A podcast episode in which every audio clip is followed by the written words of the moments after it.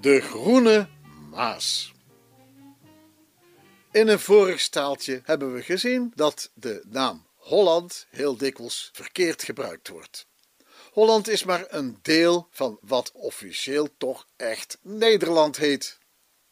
In 1961 werd er een prachtig boek uitgegeven met de titel De liefde tot zijn land is ieder aangeboren. En in het hele boek kwam de naam Holland honderden keren voor. Maar de officiële naam Nederland werd nauwelijks gebruikt. Alsof ons land Holland heet en niet Nederland.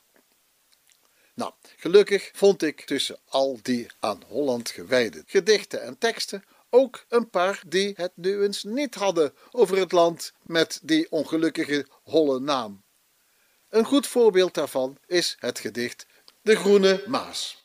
Nou, die rivier is beschreven door een dichter met een indrukwekkende naam. Voluit heette hij Johan Willem Frederik Wirimeus Bunning. 32 letters. Nou, hij overleed drie jaar voor de uitgave van het boek. En zijn gedicht, De Groene Maas, gaat inderdaad over de rivier de Maas. Die rivier komt over de landsgrens via Maastricht, dat zijn naam natuurlijk dankt aan de rivier. Maar uiteindelijk stroomt de rivier wel degelijk door naar Holland, Zuid-Holland dan, via Pernis en Schiedam en natuurlijk de grote stad Rotterdam. Die kreeg een nieuwe Maastunnel, die echt niet onder de Maas doorgaat, maar wel onder de Nieuwe Maas. En dat is dus net niet de oude van Maastricht. Maar kom, een kniezoor die daarop let. We zijn een aardig eindje afgedwaald. Snel terug naar het gedicht.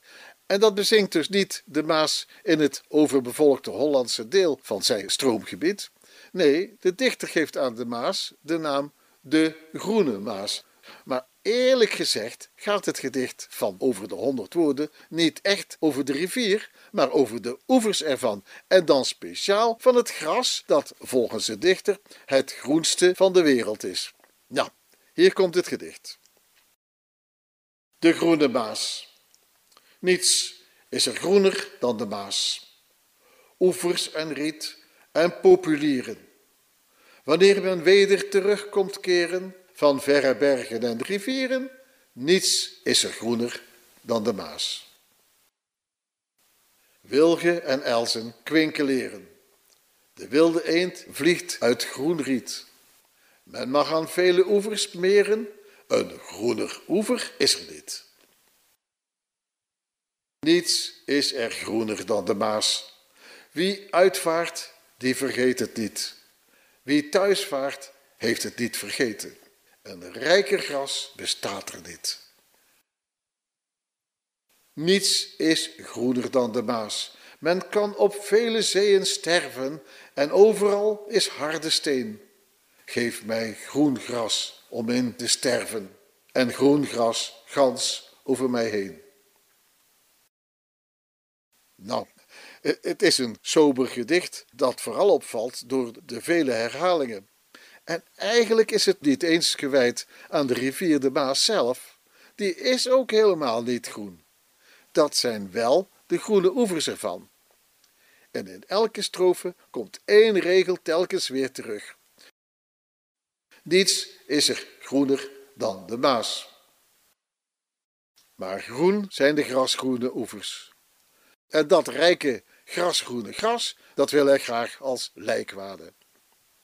Het zijn de gevoelens van de dichter die hier het gedicht tot leven moeten brengen. Maar eerlijk gezegd gebeurt dat niet. Niet bij mij tenminste. De dichter ligt niet in het gras, hij wil eronder begraven worden. En we missen dus de dichter die zelf in het geurige gras ligt. Maar als het puntje bij paaltje komt, dan is het eigenlijk alleen de kleur van het gras dat bezongen wordt. Niets is groener dan de Maas. Ach, wie kan zich nou druk maken over de vraag of er ergens anders op de wereld gras bestaat dat nog groener is? En dat gehamer op het gras overtuigt mij niet. Het doet me denken aan een marktkoopman die zijn handel onder de aandacht brengt. Goed, eh, eh, maar waarom koos ik dan uitgerekend dit gedicht? Wel, omdat ik vind dat niet alles wat rijmt of waar de naam van een bekende dichter onder staat, daardoor automatisch goede poëzie is. Kunst is kunst en over kunst valt beslist te twisten, ongeacht hoe groen het gras is waaronder de dichter zich wil laten begraven. En zijn gras mag dan wondermooi zijn, dat is niet het vers van Johan Willem Frederik Werebeus Buning over de niet-groene Maas. Ik dank u wel.